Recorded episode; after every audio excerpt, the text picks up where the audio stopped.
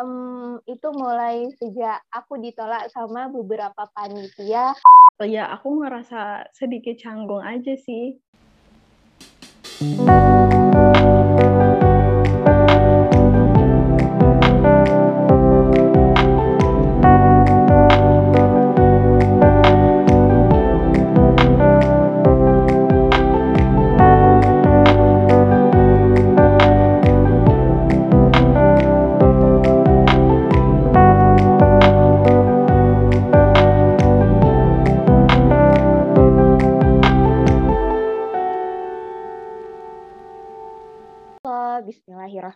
Bismillahirrahmanirrahim. Assalamualaikum teman-teman. Ketemu lagi sama kita di GPT. Nah, kali ini kita akan kenalan sama member baru nih. Perkenalkan sebelumnya, saya Dewi, mahasiswa di Universitas Muhammadiyah Yogyakarta. Kemudian ada teman saya. Halo Mbak. Halo, perkenalkan nama saya Dena. Saya juga mahasiswi di Universitas Muhammadiyah Yogyakarta. Nah, kebetulan kita ada di program jurusan yang sama, yaitu jurusan komunikasi konseling Islam. Nah, pada kesempatan kali ini, kita pengen sharing ke teman-teman semua mengenai bagaimana perjalanan hijrah kita. Sebelumnya Mbak Deda apa kabar? Alhamdulillah baik. Mbak Dewi gimana nih kabarnya? Alhamdulillah baik juga, cuma rada-rada puyeng dikit kebanyakan tugas yang mepet deadline. iya ya. Padahal udah mau lebaran tapi masih ingat tugas. Iya ya, resiko mahasiswa suka numpuk tugas. Iya. Jangan dicontoh ya teman-teman. Posisi sekarang lagi di mana, Den? Masih di Jogja. Ah, masya Allah, masih setia jadi penunggu Jogja. Iya kan Jogja terlalu istimewa untuk ditinggalkan tahu. Iya. Jogja terlalu istimewa sama kayak teman-teman semua yang lagi dengerin podcast kita kali ini. Yap, betul. Uh, sesuai bahasan kita, aku pengen sharing sama Mbak Dena mengenai gimana perjalanan hijrah kita. Nah, um, gimana sih awal mula Mbak Dena memutuskan untuk berhijrah?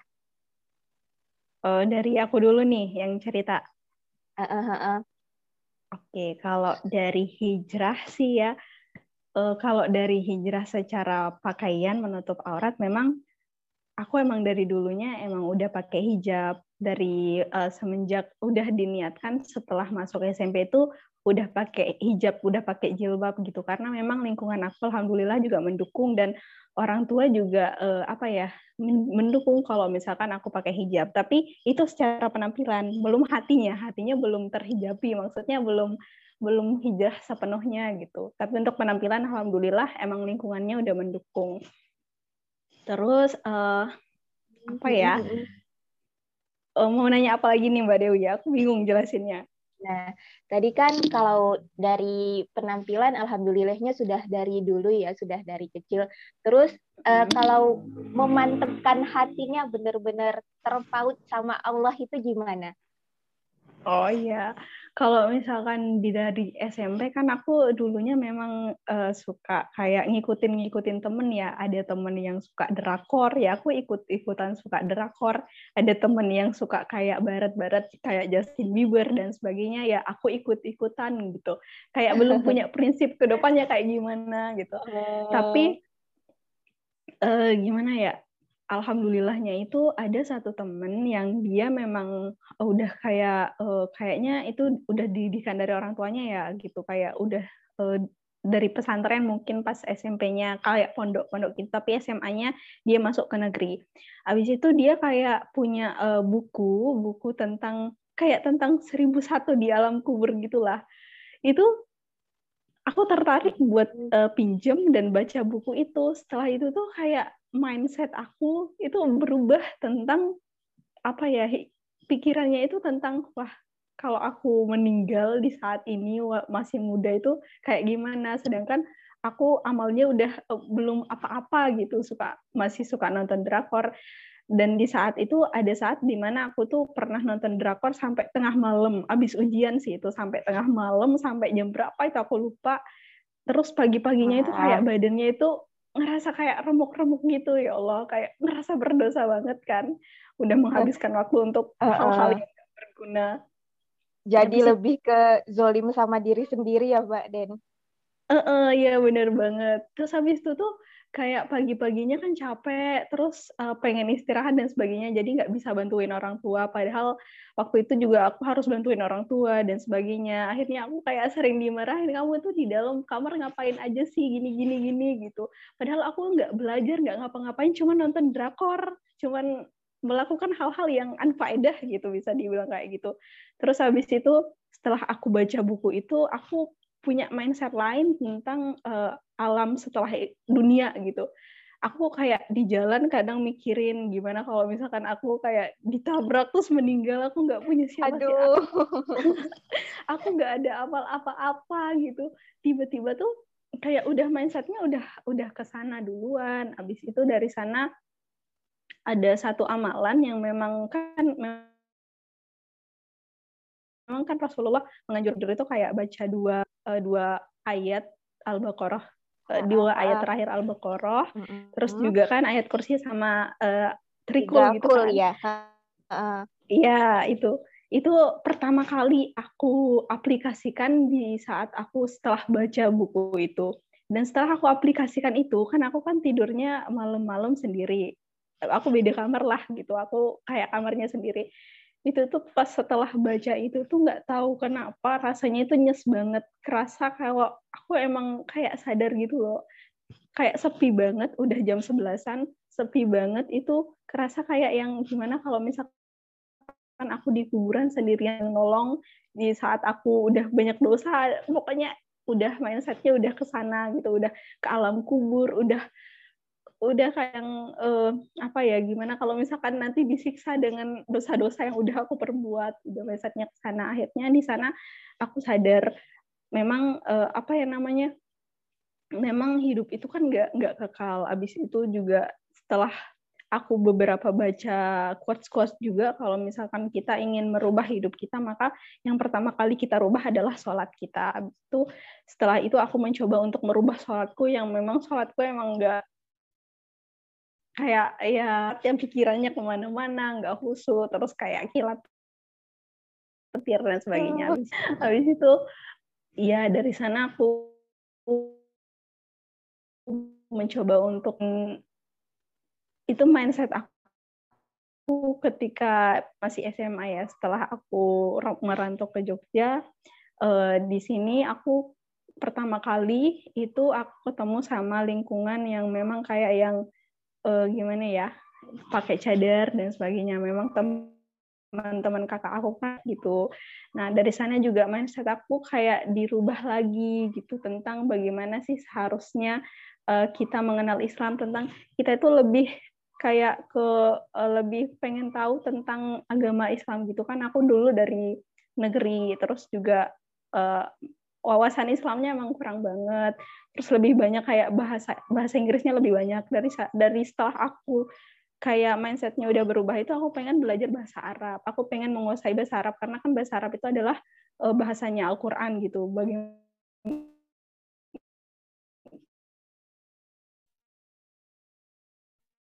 kalau kita udah lebih sana aku dalam lagi untuk mempelajari Islam untuk uh, kayak tahu fikih-fikih dan sebagainya. Dan akhirnya setelah lama merantau ke Jogja, aku dipertemukan eh, di lingkungan kelas muslimah yang akhirnya aku bisa punya lebih baik lagi gitu. Kita sebagai seorang muslimah uh, bisa bisa menjadi muslimah yang sebenarnya. Terus banyak banget pelajaran-pelajaran yang bisa diambil dari sini. Terus dari sini aku juga bisa tahu tentang uh, apa namanya sahabiah sahabiah sahabiah dan sebagainya gitu.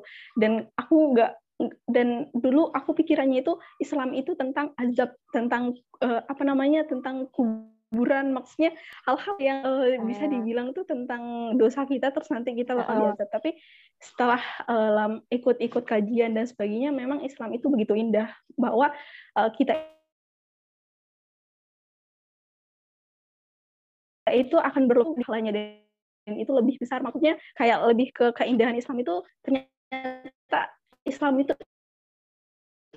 indah banget gitu loh. Banyak hal kita pelajarin dan memang harus kita pelajarin dari Islam gitu dan itu sih kalau dari perjalanan hijrah aku sampai saat ini masih menata hati untuk bisa terus Asik. apa ya masih bisa terus, terus proses ya mbak ya ah masih terus berproses menuju yang lebih baik hmm. dan ya kadang kan iman itu naik ya kita oh, perlu punya banget. Uh, kita perlu punya lingkungan yang harus terus mendukung kita untuk tetap stay di jalan yang benar untuk bisa lebih berkembang untuk bisa lebih mencintai Islam itu apalagi kita anak muda harus punya lebih berkontribusi untuk kebangkitan Islam gitu. Itu sih kalau dari aku gimana nih Mbak Dewi? Sekarang aku mau dengar cerita aduh, dari Mbak Dewi aduh. yang mungkin lebih wow perjalanan hijrahnya.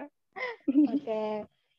Masya Allah ya tadi cerita Mbak Dena sebelumnya uh, satu hal yang aku garis bawahi kalau jangan sampai kita ini cuma uh, jangan sampai kita terjebak dalam hijrah yang hanya sebatas merubah penampilan tapi amalan-amalan kita itu masih kosong gitu. Jadi kita hmm, benar-benar harus totalitas hijrahnya mulai dari oh. segi penampilan, amal ibadahnya juga harus terus kita perbaiki, kita perbanyak lagi amalan kita untuk menuju alam akhirat nanti. Ya, betul banget. Oh, Masya Allah. Sekarang aku mau dengar cerita Mbak Dewi nih. Yang Mbak Dewi cerita. Hmm, jadi, uh, Alhamdulillah, sama kayak Mbak Dena tadi sebelumnya, aku di lingkungan yang islami sejak kecil, uh, karena sejak SD sampai SMA, Alhamdulillah, uh, di aku disekolahkan orang tua aku di lingkungan yang berbasis agama Islam. Hmm, mulai sama kayak Mbak Dena, aku juga udah mulai berhijab sejak kecil.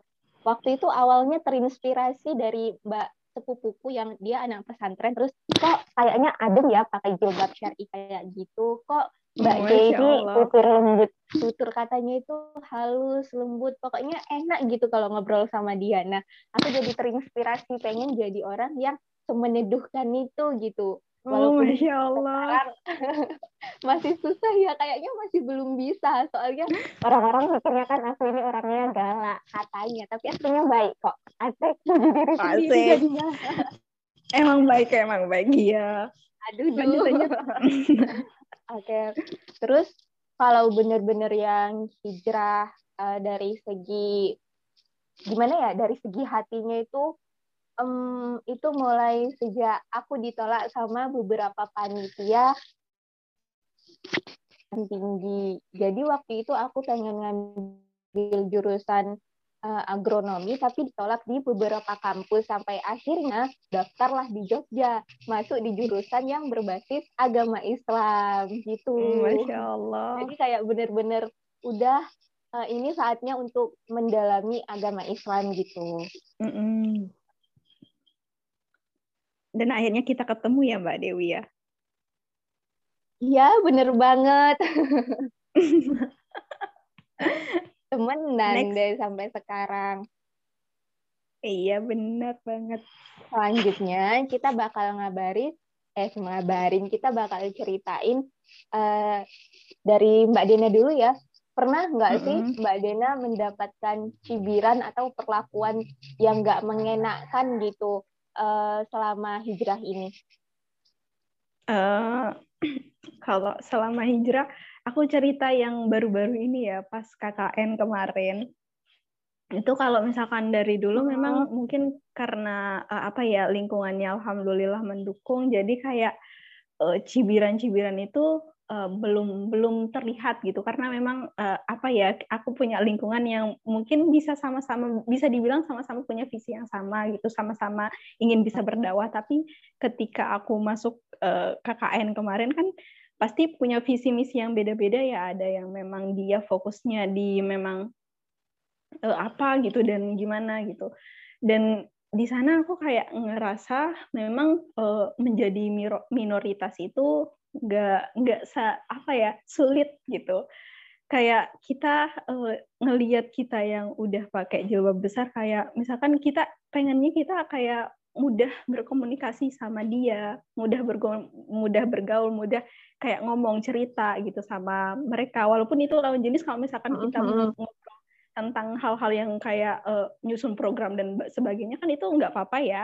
Se, se selama yeah. itu uh-huh. koridor syari uh, apa namanya uh-huh. tapi kayak mereka tuh setelah ngelihat kayak penampilannya kan besar gitu mereka malah canggung gitu kayak ngobrol sama aku ya aku bingung aduh ini mulai pembicaraannya dari mana sedangkan kita perlu kayak nyusun-nyusun program gitu terus dia kayak ngelihat aku aja itu kayak nggak nggak malu gitu ya aku kayak mau memulai pembicaraan itu dari mana gitu. Memang ini penampilan aku yang salah apa memang mereka yang emang nggak mau uh, ngomong sama aku gitu. Ya aku kayak ya ya gimana ya? Uh, ya berusaha untuk memulai pembicaraan biar nanti kan nanti kalau diem-diem baik programnya nggak jalan-jalan hmm. gitu. Terus jatuhnya dari, malah canggung ya mbak ya? Iya benar jatuhnya malah canggung. Padahal kita kayak pengen uh, apa ya kayak pengen uh, enjoy aja gitu. Ya kita sebagai uh, teman ya kita ngobrol aja kayak biasa gitu seharusnya. Uh, uh, akhirnya dari sana aku coba buat ngobrol, buat gimana-gimana kayak mereka masih canggung dan sebagainya. Dan uh, kalau dan di saat itu juga aku pernah kayak yang kan aku suka bajunya suka yang kayak monokrom hitam dan sebagainya. Terus juga kalau malam-malam entah kenapa aku juga suka menyendiri di pojokan sendiri tapi itu sementara doang itu tuh kayak ditakutin itu apa itu itu kayak gitu gitu ya Nah, tuh kayak berasa lihat makhluk astral gitu ya. iya, aku tuh kan kayak misterius, suka menyendiri. Ya, kita kan menyendiri kalau habis terawih kan suka ngaji kan. Biasanya kita tuh suka tilawah dan sebagainya. Dan mereka tuh kayak yang ngelihat itu aneh. Ya udahlah, ya aku biasa aja.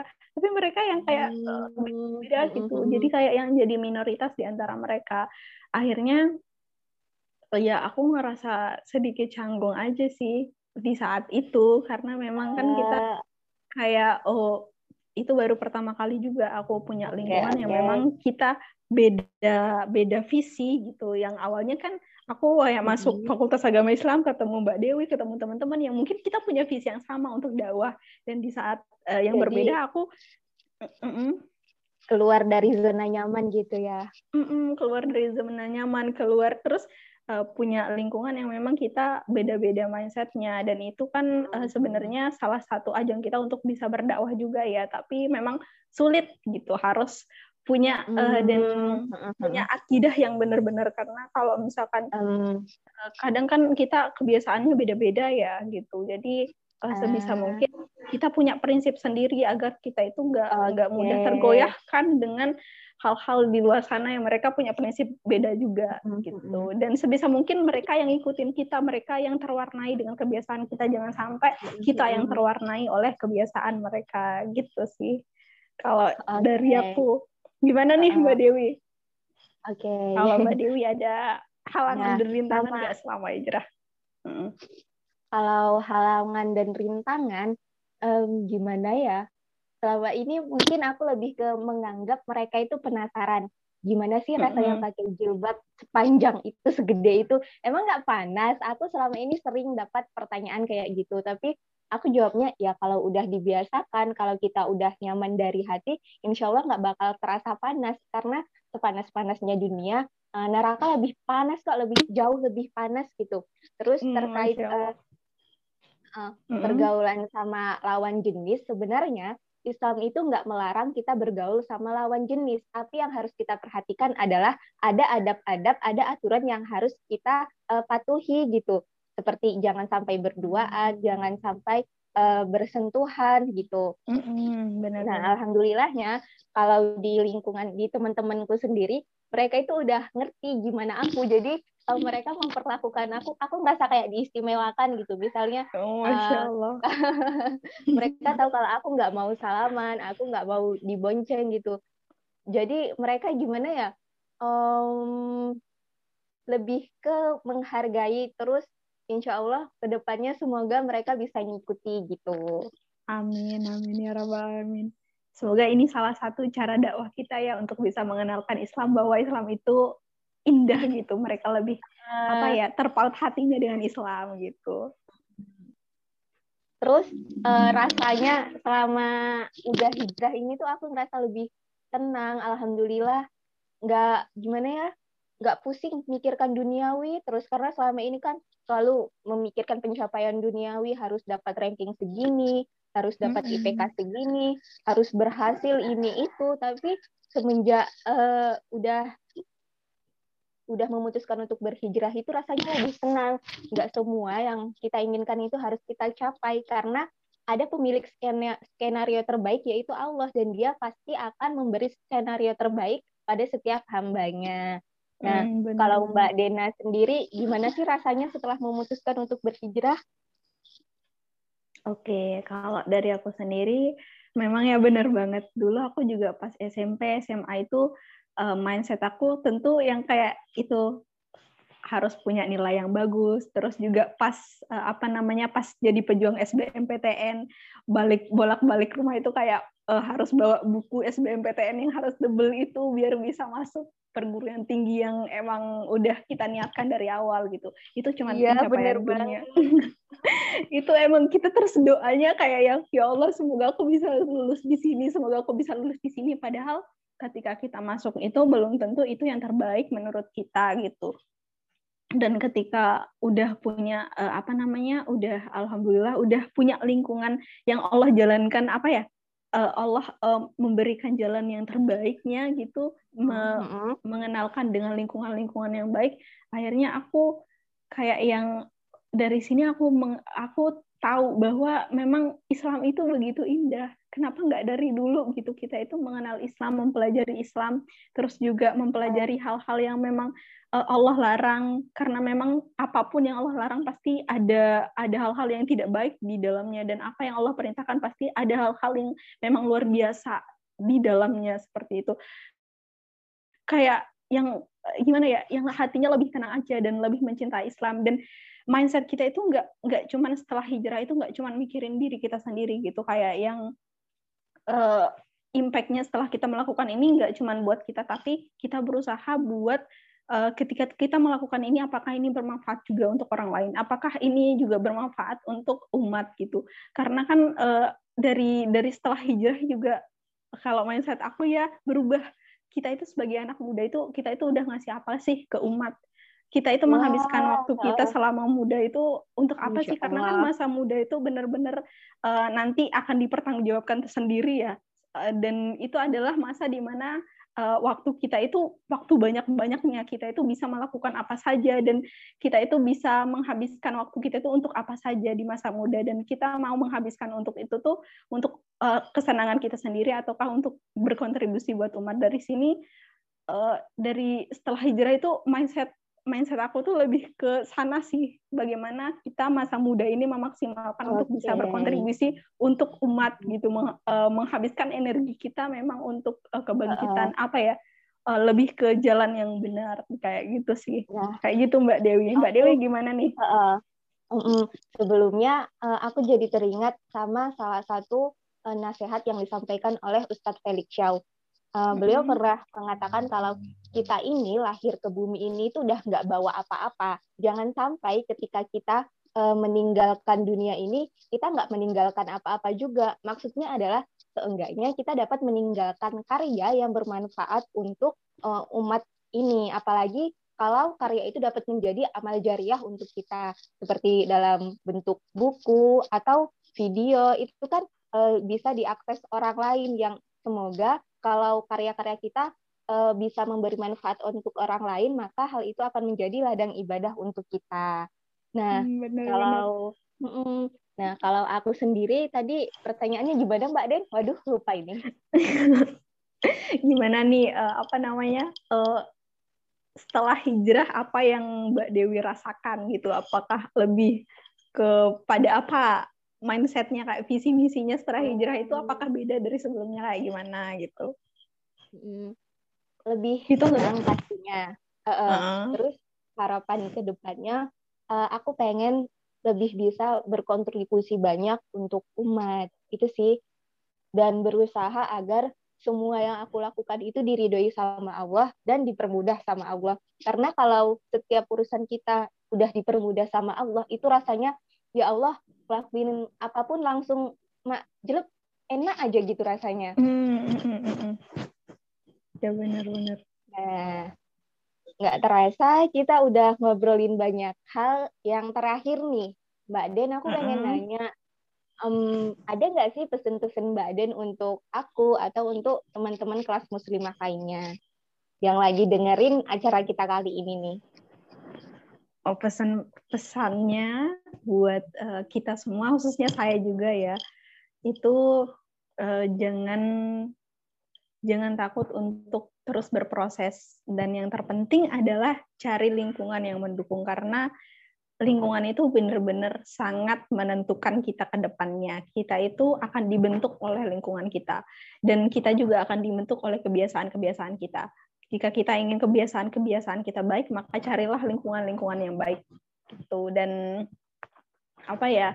Teruslah uh, belajar Islam karena Islam itu begitu indah, begitu dalam, begitu luar biasa untuk kita dalami dan kenikmatan uh, yang hakiki adalah kenikmatan dunia yang hakiki adalah ketika kita merasakan lezatnya iman, ketika kita merasakan betapa indahnya ketika kita sholat terus kita benar-benar khusyuk, sujud kita benar-benar kita uh, apa ya sujud benar-benar khusyuk hanya untuk hanya untuk beribadah kepada Allah itu tuh benar-benar nikmat banget. Dan selama uh, apalagi buat kita sebagai muslimah anak muda itu jangan sampai lelah kita itu lelah yang membawa kita dalam hal-hal yang tidak baik, tapi berlelah-lelahlah dalam mencari ridho Allah. Gitu, habiskanlah waktu kita untuk terus Masya berkontribusi. Allah. Seperti itu sih Mbak Dewi. Sekarang Mbak Dewi nih, gimana pesan-pesannya untuk muslimah aku dan muslimah-muslimah di luar sana? Hmm, hmm, hmm. Ada satu pertanyaan yang pengen aku sampaikan ke semua muslimah. Kenapa sih kita sebagai muslimah itu sebagian dari kita itu masih ragu, masih malu untuk menunjukkan identitas kita sebagai muslimah, malu untuk hmm. menggunakan hijab syar'i, malu untuk uh, menegakkan aturan Allah seperti nggak pacaran, menjauhi zina, uh, bertutur kata yang baik, nggak nggak ngucap kata-kata yang kotor gitu. Kenapa sih kita harus malu uh, saat kita itu menjalankan aturan Allah. Padahal di luar sana banyak orang yang terang-terangan bermaksiat tapi mereka itu nggak malu gitu. Jadi aku pengen ngajak semua teman-teman muslimah agar ayolah kita nggak perlu malu untuk uh, menjalankan aturan Allah. Karena lucunya zaman sekarang ini yang menjalankan aturan Allah itu dianggap hal yang memalukan, tapi yang maksiat itu justru dianggap hal yang waduh prestasi besar ini. Contohnya kayak pacaran aku sering dapat pertanyaan dari teman-teman, kenapa sih nggak mau pacaran? Nggak mau pacaran dituduh malah nggak laku gitu. Padahal kan itu prinsip kita, itu prinsip yang benar-benar kita pegang teguh gitu. Nah, adapun orang-orang yang pacaran punya koleksi mantan yang berapa ratus gitu, itu kayak menjadi mm -hmm. sebuah kebanggaan sendiri bagi mereka gitu. Jadi iya, teman-teman iya, muslimah, yuk kita nggak perlu malu gitu. Masa sih mereka yang melakukan maksiat itu bisa bangga. Kenapa kita yang menjalankan aturan Allah harus malu? Hmm, iya benar banget, masya Allah. Oke. Okay. Ini udah udah uh, waktunya pamitan ya Mbak Dew. Uh, uh, nggak terasa ya. Padahal hmm. masih banyak yang pengen kita bahas. Terima kasih iya. semua teman-teman. Makasih Mbak Den. Semoga ya, juga Mbak Del. Apa yang kita sampaikan ini bermanfaat untuk teman-teman semua. Amin. Ini nah, juga tamparan buat kita sendiri ya yang udah memberikan cerita-ceritanya. Oh, oh, oh. Jangan lupa untuk semakin mendekatkan diri sama Allah. Uh, iya benar banget. Oke, sekian dari kami. Assalamualaikum warahmatullahi wabarakatuh. Oke, terima kasih. Wassalamualaikum warahmatullahi wabarakatuh, teman-teman muslimah. Bye-bye. Bye. -bye. Bye.